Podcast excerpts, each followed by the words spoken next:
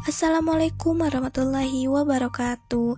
Perkenalkan, nama saya Rizka Amalia dari kelas PKNB 2020 dengan nomor NIM 2009120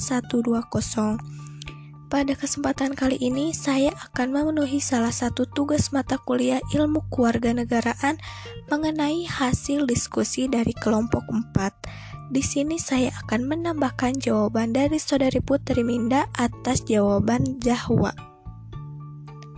Dalam pembangunan di Indonesia sekarang, pendidikan mempunyai peranan penting. Pendidikan berperan sebagai tempat pembenihan warga negara yang bertanggung jawab dan berjiwa Pancasila. Berkaitan dengan dunia pendidikan, guru mempunyai peranan yang sangat penting dalam usaha mencapai tujuan pendidikan nasional dalam kegiatan belajar mengajar harus memiliki strategi pengajaran agar siswa dapat belajar secara efektif dan efisien. Fenomena yang terjadi di sekolah dalam memberikan strategi pengajaran terhadap peserta didik masih memprihatinkan. Di Indonesia, metode mengajar yang banyak digunakan di sekolah-sekolah adalah metode ceramah. Mengapa demikian? Karena metode ini dianggap sebagai cara yang paling mudah dilakukan untuk menyampaikan informasi suatu pembelajaran. Namun, efek guru yang kurang demokratis pasti akan memberikan dampak terhadap pembelajaran siswa, yaitu guru yang kurang demokratis akan memunculkan sikap yang otoriter.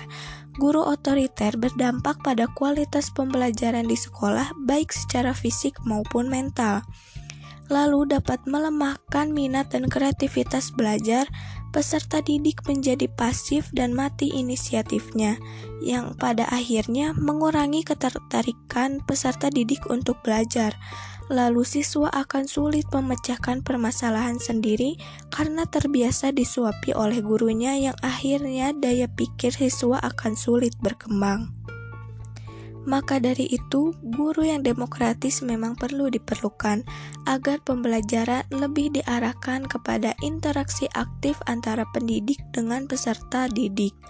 Guru yang demokratis yaitu figur guru yang mampu memberikan kesempatan dan pelayanan yang sama kepada setiap peserta didik untuk mendapatkan pendidikan di sekolah sesuai dengan kemampuannya.